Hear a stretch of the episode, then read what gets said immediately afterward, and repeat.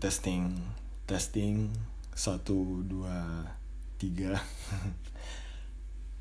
Halo semuanya. Um, balik lagi di podcast cangkir kopi hitam.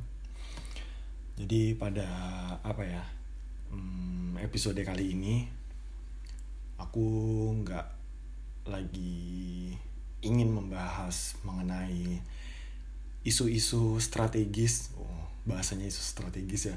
Atau ngebahas soal politik lah bahas ya apa pun itu. Tapi kali ini aku pengen apa ya mungkin berbagi cerita. Um, ya lagi pengen curhat. Nggak juga sih sebenarnya. Hmm, mungkin tapi nggak lebih lebih pengen ngebagiin pengalaman aku aja. Tapi sebenarnya apa ya aku nih bukanlah orang yang mudah bercerita kalau nggak ditanya. Jadi aku tuh punya kendala kalau misalnya ingin bercerita. Kendalanya itu terkadang kalau misalnya disuruh cerita sama teman aku aku tuh nggak bisa cerita kalau nggak ditanya. Jadi kalau misalnya orang lain itu biasanya bisa langsung uh, nyerowes gitu kan. Apa sih nyerowes maksudnya bisa langsung bercerita bisa langsung berkelakar bisa langsung uh, berbicara panjang lebar. Uh, istilahnya kayak seolah-olah uh, ya berbicara seperti layaknya air yang tumpah dari gelas lah ya seperti itu. Aku nggak bisa seperti itu. Aku kadang-kadang harus ditanya dulu sama orang lain atau mungkin aku membuat pertanyaan untuk diriku sendiri. Jadi kayak gimana ya kayak nanya udah nanya sendiri ya jawab sendiri kayak Dora lah ya.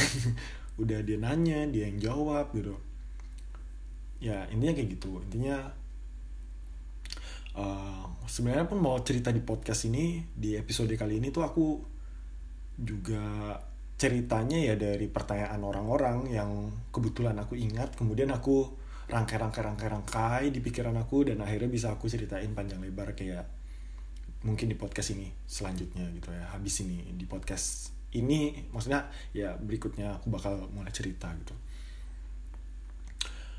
Baiklah aku kebetulan tadi itu dikirimin foto sama temanku.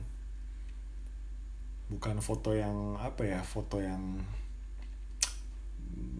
bukan suatu kenangan yang uh, bukan momen yang uh, glow atau hips gitu ya hip gitu. Tapi foto yang dia kirim itu benar-benar ngena banget.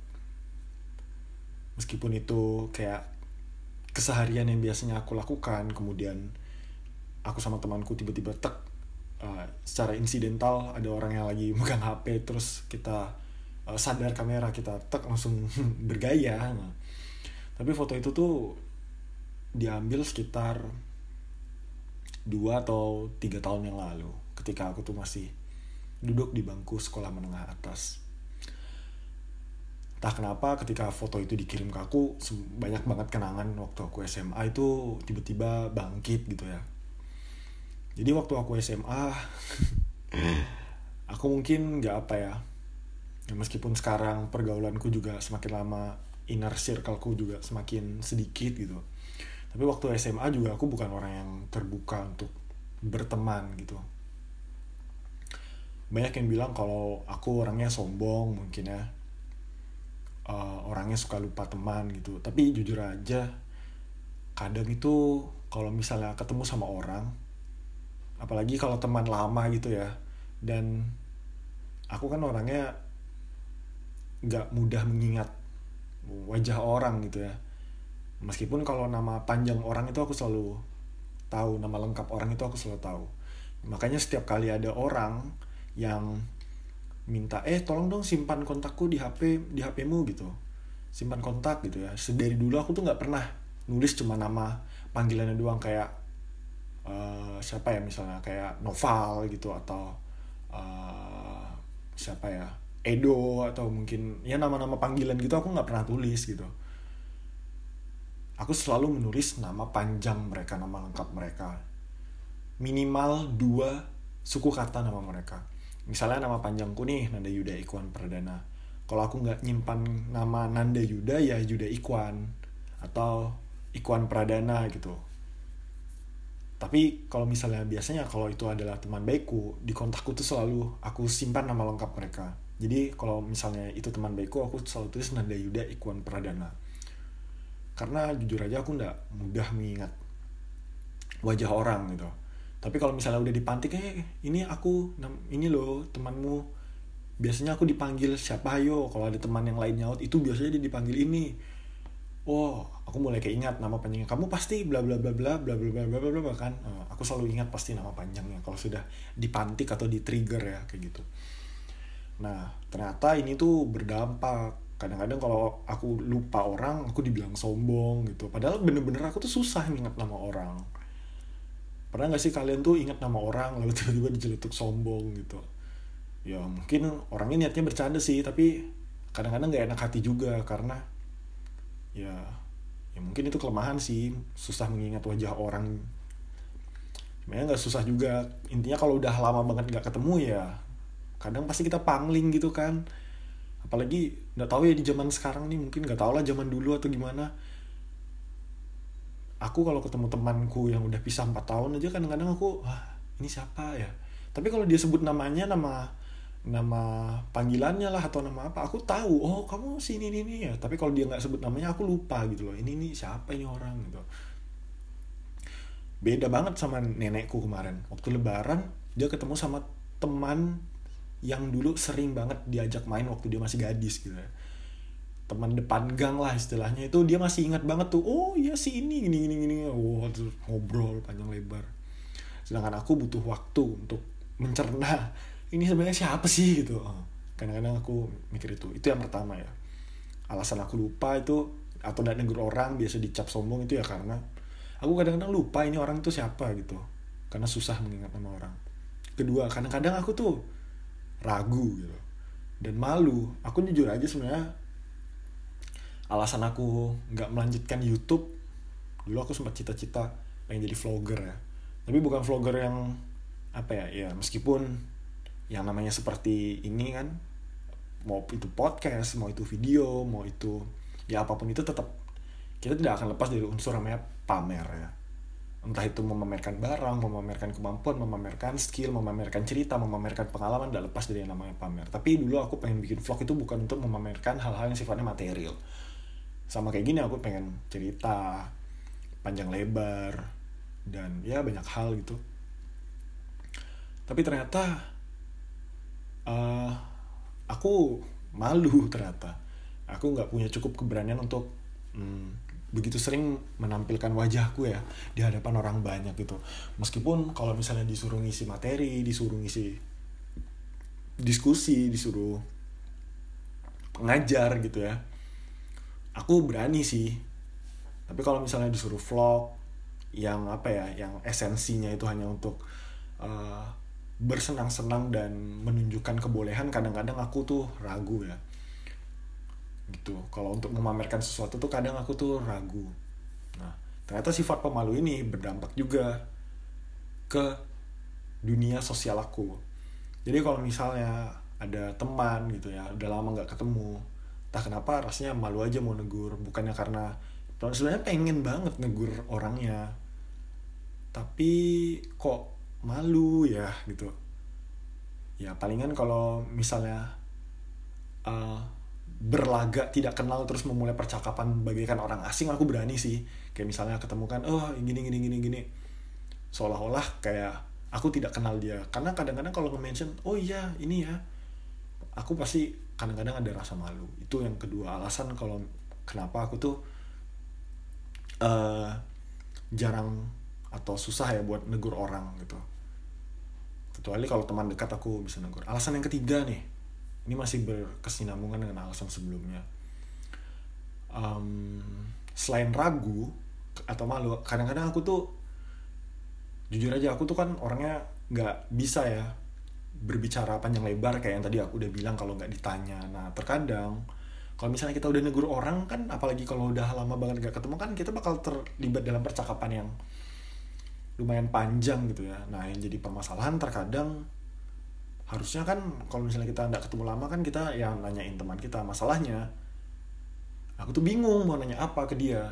Dan aku juga nggak ditanyain sehingga aku nggak bisa cerita. Nah itu kondisi seperti itu saat zong atau diam bareng itu yang aku khawatirkan dari sebuah percakapan. Makanya karena uh, sebelum memulai percakapan saja aku udah takut percakapannya nanti garing atau zong. Akhirnya aku semakin ragu buat menegur teman lama yang mungkin uh, udah lama aku nggak ketemu gitu.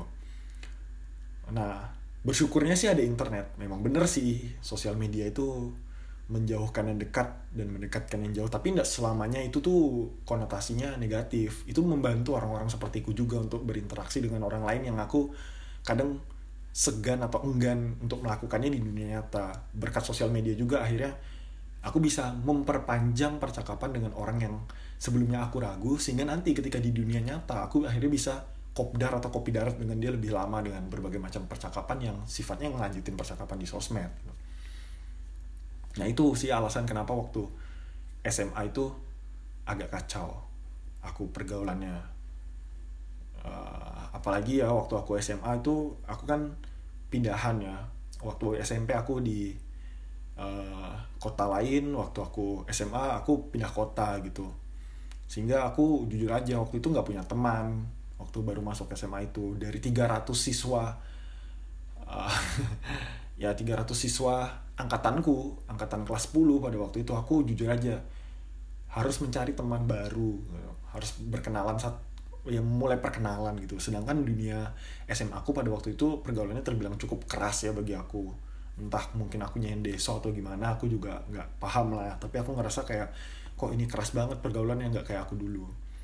Tapi memang dari kecil aku tuh udah terbiasa sih hidup berpindah-pindah atau nomaden gitu ya bertemu orang-orang baru tuh aku udah terbiasa gitu.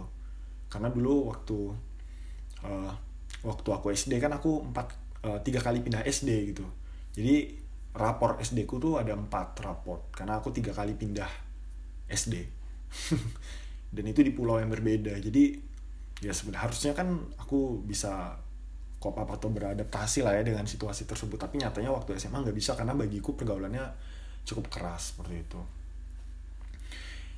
ditambah lagi waktu aku SMA aku tuh sering banget ikut kegiatan ya di luar sekolah.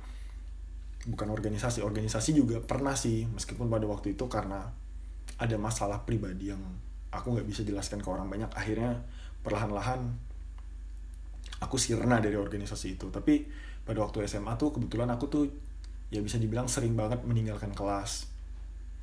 Yang pertama dulu aku juga sering ikut lomba ya mungkin di sini ada yang alumni lomba debat bahasa Indonesia tingkat nasional tahun 2016 yang diselenggarakan di Palu atau mungkin ada juga yang mendengarkan alumni uh, Forum Anak Nasional dan Kongres Anak Indonesia tahun 2016 di Lombok. Ya aku adalah salah satu uh, dari sekian banyak orang-orang uh, anak-anak hebat Indonesia yang ikut di situ. Meskipun ya aku cuma remah-remah doang sih banyak yang lebih hebat di sana pada waktu event itu tapi singkat cerita pada waktu SMA tuh aku sering banget meninggalkan sekolah dan bahkan meninggalkan pulau sendiri meninggalkan kota sendiri gitu. Uh, pertama kalinya aku meninggalkan pulau waktu SMA itu uh, bu bukan meninggalkan pulau pertama kali sih maksudnya pada waktu SMA itu aku pergi keluar pulau dan didanai oleh uh, orang lain atau pihak lain oleh institusi lain dan aku sama sama sekali nggak mengeluarkan biaya itu ketika kegiatan jejak tradisi nasional 2015 di Surabaya. Pada waktu itu aku mengikuti kegiatan tersebut dan apa ya kegiatan itu tujuannya tuh untuk menggali ya untuk uh, melestarikan ya jejak tradisi kita menelusuri jejak-jejak tradisi yang ada di Indonesia. Pada waktu itu spesifiknya ya di kota Surabaya Jawa Timur waktu itu. Di waktu acara Jetrans ini aku merasa bahwasannya uh, kayaknya ini sebuah momen yang tepat untuk mengubah kebiasaan burukku untuk uh, menutup diri dari pertemanan dan ragu untuk menyapa orang lain. Sehingga waktu Jetrans itu aku benar-benar memanfaatkan event nasional yang aku ikutin ini untuk pertama mencari teman menambah relasi dan yang kedua mencari duit tentunya. Kan ya untuk nambah uang jajan lah apa sih salahnya gitu kan.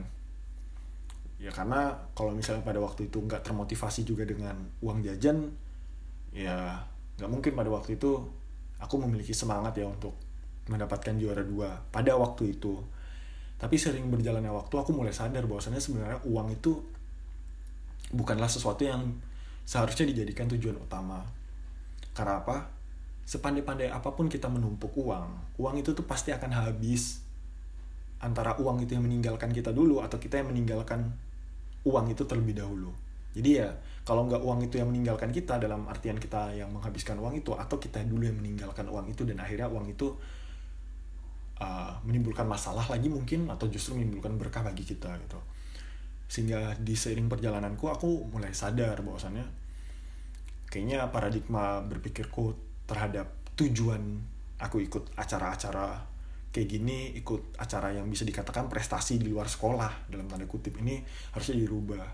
Kalau misalnya aku money oriented atau cuma sekedar mengejar keuntungan yang besar dari ikut acara ini sekedar ingin menikmati jalan-jalan gratis itu mah kapan pun bisa gitu. Tapi ternyata ada yang lebih penting.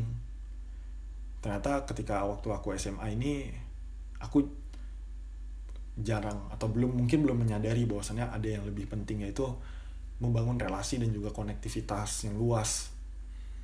Kadang-kadang kalau aku lihat misalnya aku lihat sosmed lihat adik-adik kelasku ikut lomba kemudian mengejar uang dan lain-lain sebagainya ya aku nggak masalah sih mereka punya motivasi seperti itu. Lagi pula toh mereka ngincar uang juga mereka dapat prestasi gitu kan. Tapi kadang-kadang aku jadi teringat diriku kalau seandainya aku kembali lagi di posisi mereka aku nggak begitu senang lah dengan uang itu gitu. Aku lebih baik ya menambah relasi dan lain sebagainya kalau mau berpikir idealis gitu ya. Meskipun kalau direalitakan kan uang itu perlu tapi bagiku ya itu sampingan karena sepengalamanku ketika aku tidak menjadikan uang itu tujuan utama dan aku murni mengejar ilmu atau mengejar pengalaman dari acara yang aku ikutin mengejar tali silaturahim mengejar pertemanan dan lain sebagainya uang itu akan datang sendirinya kok. Itu pengalamanku sih. Dan waktu SMA itu hal yang paling mengubah apa ya mengubah hidupku dan juga paling berkesan itu ketika aku ke Palu pada waktu itu. Waktu itu lomba debat bahasa Indonesia tingkat nasional. Meskipun pada waktu itu aku sebagai representasi provinsi juga belum beruntung untuk menjadi juara di tingkat nasional tapi uh, ada uh, kapitalisasi prestasi diri. Wah ada pengalaman yang bisa aku kapitalkan ke buat diri aku sendiri gitu. Dan ternyata pengalaman yang aku kapitalkan untuk diriku sendiri waktu SMA itu ternyata bisa bermanfaat juga ketika aku kuliah untuk orang lain. Ini pada waktu di Palu, waktu itu kan pergi ke Palu buat lomba debat itu dari kota asalku dikirim ke Palu itu kan ditanggung sama apa dinas ya pada waktu itu sama kementerian dan itu pertama kalinya aku ngerasain uh, perjalanan yang penuh dengan transit dan menggunakan maskapai yang cukup memuaskan pada waktu itu. Bayangkan kami kalau nggak salah waktu perginya aja sekitar tiga kali transit dan itu kami selalu diberikan makanan. Dan pada waktu itu aku benar-benar excited banget buat menghabiskan makanan itu di pesawat. Nggak tahu suka aja sama makanan pesawat sih. Norak ya kayaknya aku. Tapi ya suka aja gitu dan begitu sampai di sana aku langsung dikalungkan apa selempang delegasi dan itu hal yang nggak akan bisa aku lupakan sepanjang hidup uh, bandara Palu itu kan juga kalau nggak salah di dekat lereng gunung dan itu benar-benar penerbangan yang bagi aku cukup berkesan karena lama banget di pesawat dan transitnya tadi juga aku bilang cukup banyak. Nah, ketika di Palu itu uh, aku mendapatkan pelajaran bahwasannya pada waktu itu karena lomba debat jadi kami dituntut oleh uh, beberapa pelatih pada waktu itu untuk tidak usah terlalu berbaur dengan orang lain. Kenapa? Ya pada waktu itu mindsetnya namanya kompetisi debat ini dianggap kalau misalnya kita berbaur bergaul dengan orang lain dianggap ini bisa mencuri strategi dan lain sebagainya gitu sehingga akhirnya pada waktu itu delegasi kami terkesan sedikit menutup diri lah dari delegasi-delegasi yang lainnya. Untuk menjaga diri agar tidak terbuka dengan atau ya untuk menjaga mental juga sih agar tidak uh, ter ter apa ya terganggu pemikirannya. Mungkin karena mendengar pengalaman dari delegasi lain yang lebih wow kita jatuh mentalnya. Jadi intinya kita benar-benar menjaga mental namun di hari terakhir ikut acara aku mulai teringat lagi bahwasannya kalau aku ke sini cuma mengejar akomodasi dan juga uh, apa ya akomodasi dan juga uang itu akan habis. Cepat sekali habisnya. Karena pada waktu LDBI provinsi aku menjadi best speaker juga best team pada waktu itu uang yang kami dapat juga lumayan dan itu habis. Ludesnya itu cepat banget itu. Karena banyak keperluan lah banyak keinginan lah banyak inilah banyak itu jadi aku waktu di nasional berpikir kalau misalnya aku ini hanya orientasinya untuk mengejar uang dan juga confidence di akumnya di kamar hotelnya aku nggak akan dapat apa-apa nggak akan dapat warisan yang panjang gitu. Dan ternyata benar. Aku akhirnya mencoba untuk berbaur dan bergaul dengan teman-temanku di sana mencari teman baru ada teman dari kota Palu juga ada juga teman yang dari uh, kepulauan Riau dari Riau aku mencoba bergaul dengan mereka dan akhirnya sampai saat ini silaturahimnya juga masih apa ya terjaga meskipun tidak kontinu setiap hari menyapa sering menyapa. Tapi setidaknya kalau misalnya ngobrol masih ingat satu sama lain lah. Masih bisa atau obrolan itu masih nyambung setidaknya seperti itu. Selain menjalin relasi dengan teman di luar karena kebetulan timku juga ada satu orang yang dari sekolah yang berbeda aku akhirnya mencoba untuk uh, menggali lebih jauh tentang temanku yang satu ini. Dan akhirnya sampai sekarang juga relasi itu masih terja terjalin gitu loh. Meskipun juga karena kesibukan kuliah dan lain sebagainya aku akhirnya jarang banget buat berkomunikasi. Tapi tetap uh, silaturahim itu masih terjaga lah istilahnya. Dan yang membuat kota Palu itu begitu berkesan buatku adalah karena pada waktu itu ya karena mendapatkan relasi yang cukup strategis dapat temannya wow ini kayak teman benefit gitu ya. Enggak sih. Maksudnya karena kebetulan pada waktu itu temanku itu uh, adalah putra dari salah satu anggota Dewan Perwakilan Rakyat Daerah di situ di kota Palu itu akhirnya kami diajak keliling jalan-jalan kota Palu dan mengunjungi berbagai macam tempat wisata yang ada di sana. Dan apa ya padahal pada waktu itu aku nggak mention kalau dia ini siapa sih gitu. Kayak ya udahlah berteman aja. Tapi ternyata dia baik banget mau nganterin kami buat pergi ke tempat-tempat yang kami tuh nggak pernah pikirkan sebelumnya. Kami pergi ke pusat laut melihat apa ya pantai yang birunya itu benar-benar luar biasa bening. Kemudian kita juga ke gong perdamaian pada waktu itu. Makan apa makan kaledo ya kalau nggak salah. Uh, wah gila itu benar-benar jadi pengalaman yang gak akan terlupakan sih Palu itu. Bahkan pada waktu aku berfoto di salah satu ayunan di Pantai Kaluku di Donggala pada waktu itu aku kan sempat mengabadikan momen di salah satu ayunan yang ada tulisannya I miss you. Dan itu aku benar-benar suka foto itu sampai sekarang. Dan Palu itu jadi kota yang berkesan buat aku.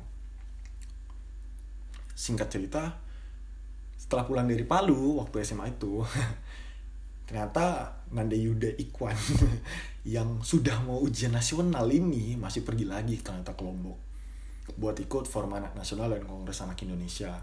Waktu itu kalau nggak salah acaranya empat hari tapi karena ada kendala dan lain-lain sebagainya akhirnya aku dan beberapa temanku mau nggak mau di lombok itu tujuh hari.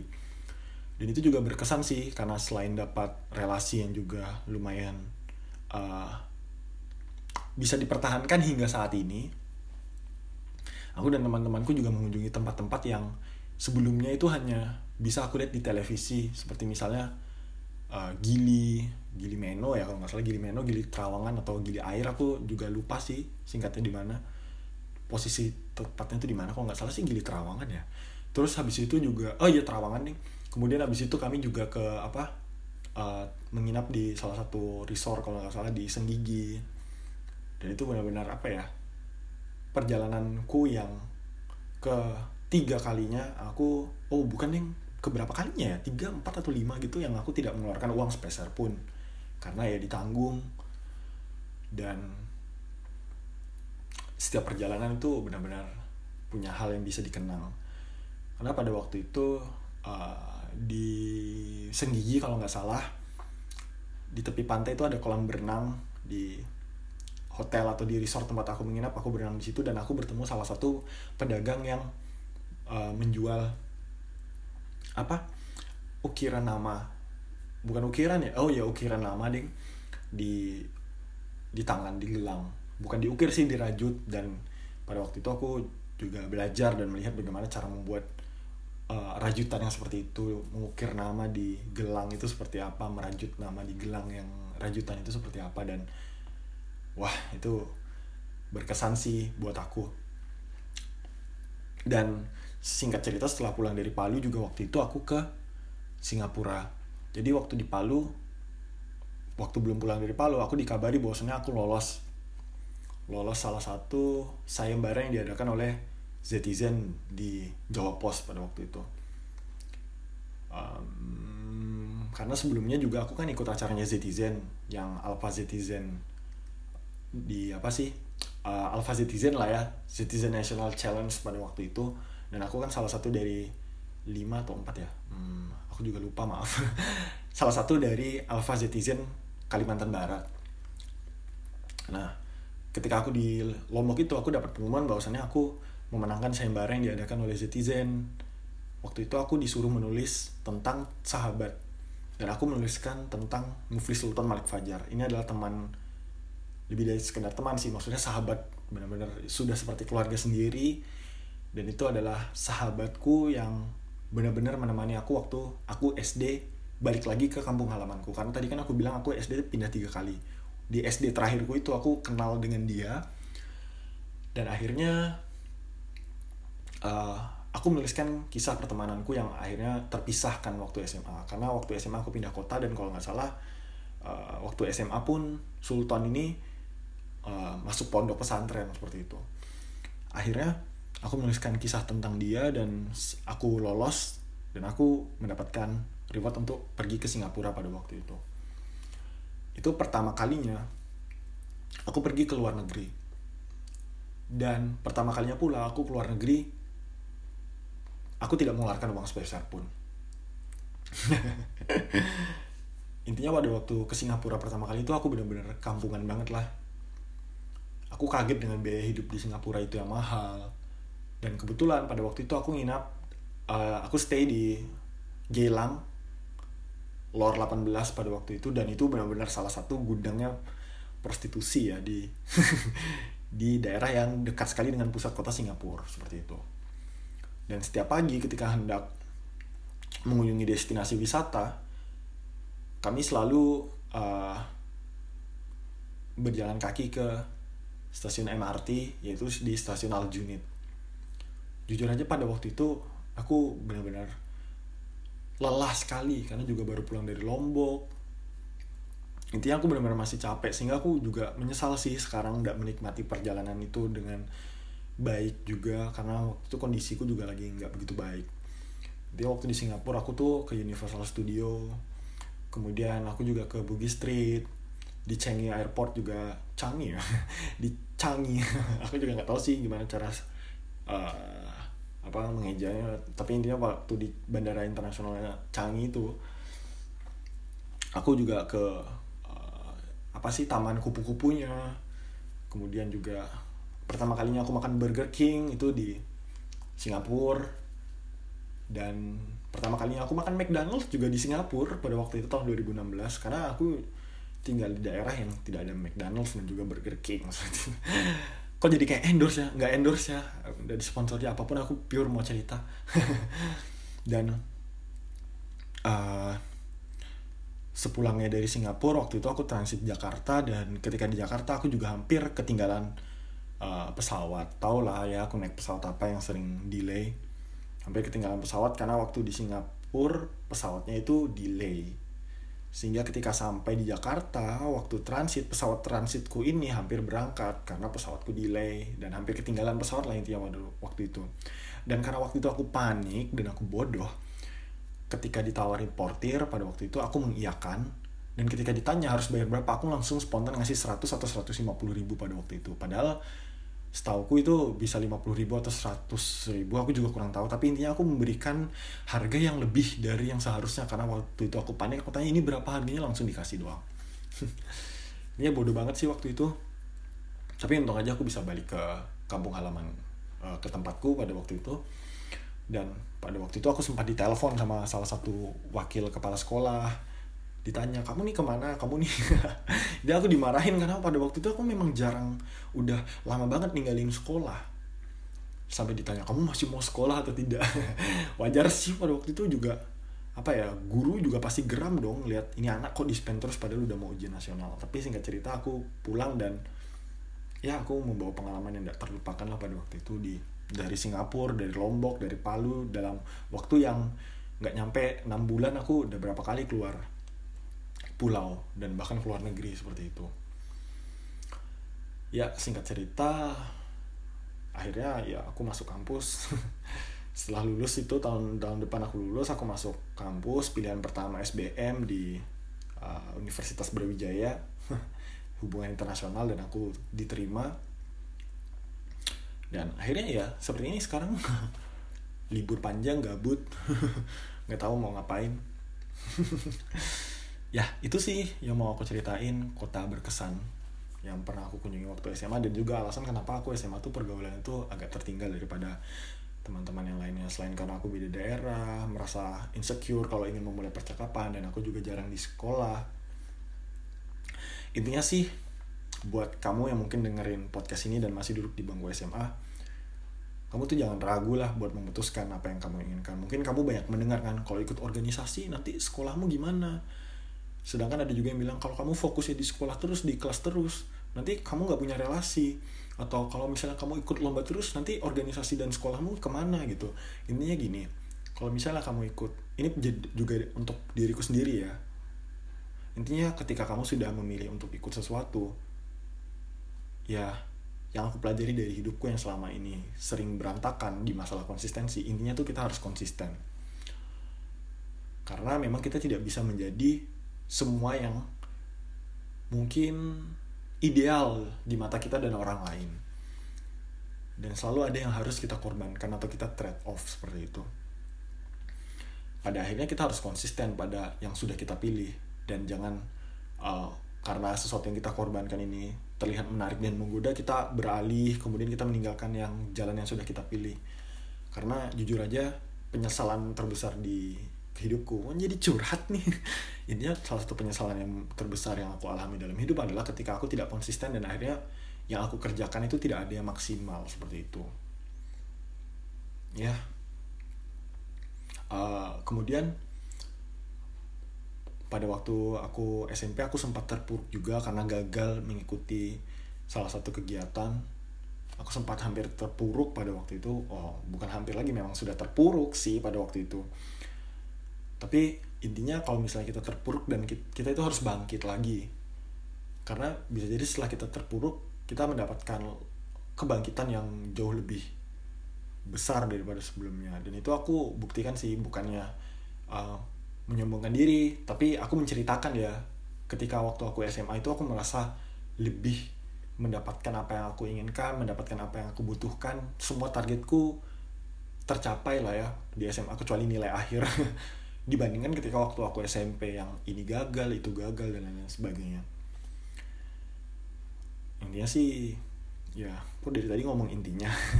Ya pokoknya teman-teman di mana pun kalian berada yang mendengarkan podcast ini kalian jangan menyerah dan jangan pernah memandang diri kalian itu rendah. Sok-sokan Yuda nih. Enggak itu serius. Karena kalau kita iri dengan orang lain kita akan selalu down. Karena apa? Kita membandingkan diri kita dengan orang itu dengan kehebatan orang itu. Padahal belum tentu passion kita itu di situ. Bisa jadi passion kita itu di bakat yang terpendam gitu loh. Pada waktu aku SMA belum ikut lomba debat dan lain sebagainya aku dibilang banyak bacot. Bacot itu nggak guna cuy. Bilang gini, gini bacot itu nggak penting gini gini debat itu banyak bacot gitu. Tapi ternyata ketika aku kuliah aku hampir setiap hari menemukan yang namanya perdebatan keberanian kita berargumen terlepas dari itu benar salah itu sangat diperlukan cuy. Skill yang sebelumnya diremehkan waktu SMA itu akhirnya dipakai waktu aku kuliah. Tapi kan bacotnya nggak guna tadi barusan kamu bilang waktu kuliah. Karena di kelas pada waktu itu karena sekarang itu aku di kelas berdebat dan kita salah itu ada yang mengkoreksi. Jadi intinya waktu SMA aku udah belajar debat di kuliah aku sudah berani untuk mengemukakan pendapat benar atau salah nanti ada yang mengkoreksi dan itu bisa didiskusikan bareng. Intinya kita berani. Karena kalau misalnya kita berani kita punya pemikiran yang berbeda dengan orang lain dan kita berani mengemukakannya kita akan mendapatkan ilmu dan juga feedback yang lebih besar ketimbang kita menyimpan itu di dalam lubuk hati kita yang paling dalam atau di dalam pikiran kita doang. Intinya uh, kita memang bisa menemukan sesuatu dengan bermain di alam pikiran kita, di alam logika kita. Tapi kita akan bisa menemukan lebih banyak apabila kita bermain di alam interaksi sosial yang melibatkan input dari banyak sekali perspektif atau sudut pandang yang berbeda. Dan balik lagi ya ke awal, jangan pernah takut untuk memutuskan apa yang kalian ingin lakukan. Karena setiap orang itu pasti akan bersinar kok pada waktunya serius kalian itu punya masa-masa sulit. Aku ngomong ini berdasarkan pengalamanku ya. Aku nggak berani ngomong kalau itu bukan pengalamanku. Kalian itu pasti punya masa-masa sulit. Tapi setelah masa itu kalau kalian percaya dan yakin kalian itu akan ada masa-masa di mana kalian itu akan bersinar.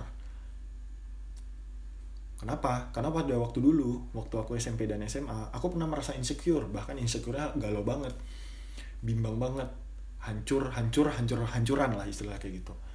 Tapi berdasarkan pengalamanku setelah aku terpuruk dan hancur-hancuran aku sampai sekarang masih bisa survive dan semuanya baik-baik aja. Intinya badai itu pasti berlalu gitu.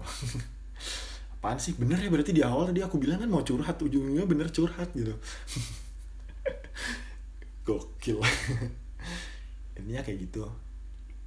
Uh, mungkin di next time sesi ngalor ngidul yang gak jelas ini aku mau cerita soal aku waktu kuliah itu udah ke mana aja sih gitu udah pergi ke mana aja. Karena podcast ini mungkin bisa jadi wadahku buat bercerita panjang lebar tapi nggak akan semua cerita itu bisa diceritakan seperti itu. Entah itu terbatasnya waktu ter keterbatasan tenaga juga. Ngomong itu ternyata capek ya aku baru tahu loh ngomong itu capek. Keterbatasan ya kesempatan juga. Tapi ya aku berharap sih dari aku membagikan pengalamanku ini banyak orang-orang di luar sana yang mungkin sempat terpuruk seperti aku dulu bisa menemukan setidaknya harapannya lagi lah. Karena harapan itu selalu ada cuma kadang-kadang kita aja yang nggak melihatnya gitu. Intinya bisa kalian menemukan dan melihat harapan kembali kalau kalian itu udah terpuruk. Karena aku lihat banyak teman-temanku tuh yang terpuruk. Mungkin kuliah nggak dapat kampus yang dia inginkan atau di kehidupannya dia menginginkan ini tapi yang didapatkan ini dan dia terpuruk ya aku juga pernah di posisi seperti itu dan bukannya dan bagiku itu suatu pembelajaran. Aku bukannya bukannya mensyukuri atau apa yang menyumpahi kalian supaya itu tapi aku bersyukur pernah ada di posisi seperti itu. Karena akhirnya aku bisa merenung aku bisa berpikir aku bisa uh, keluar dari zona nyaman aku bertemu dengan banyak orang dan akhirnya bisa mendapatkan yang lebih pantas aku dapatkan dan dan juga yang aku inginkan gitu. Ya udah sih ini aja dulu ya podcast pada kesempatan kali ini pada malam kali ini. Semoga kalian terhibur. Yang lagi patah semangat semoga aja segera menemukan dirinya kembali. Yang ingin keluar dari zona nyaman semoga kalian diberi segera diberikan keberanian dan pertimbangan yang matang untuk keluar dari zona tersebut dan mencari dunia yang baru karena hidup itu kalau kita di situ-situ aja ya untuk apa Tuhan menciptakan dunia yang luas ini? Kalau ada yang mengatakan kenapa sih Tuhan menciptakan semesta yang begitu luas tapi kita hanya ada makhluk hidup di bumi misalnya gitu. Meskipun ada bakteri atau apa gitu ya. Kenapa sih manusia hanya bisa mendiami bumi? Ya saatnya lah kalian keluar mencari dunia-dunia yang baru gitu. Pergilah berpetualangan. Percuma kalau misalnya kita diciptakan dua kaki dan dua tangan tapi kita nggak berjalan dan menggali lebih jauh seperti apa sih potensi dari yang kita miliki di hidup ini gitu. Masa sih kita mati nggak bawa apa-apa? Masa sih kita hidup untuk sesuatu yang tidak berarti gitu. Hmm. karena oh iya di episode berikutnya mungkin di episode ngalur ngidul aku pengen banget nih ceritain soal yang tadi aku bilang yang waktu aku SMA kuliah ngapain sama aku pengen cerita soal game Frostpunk. Karena game Frostpunk ini uh, membuatku berpikir ulang mengenai hidup dan juga menyikapi situasi-situasi uh, yang menjepit istilahnya. Ya udah selamat malam selamat beristirahat dan tetap semangat untuk semuanya. Dadah sampai ketemu lagi di episode berikutnya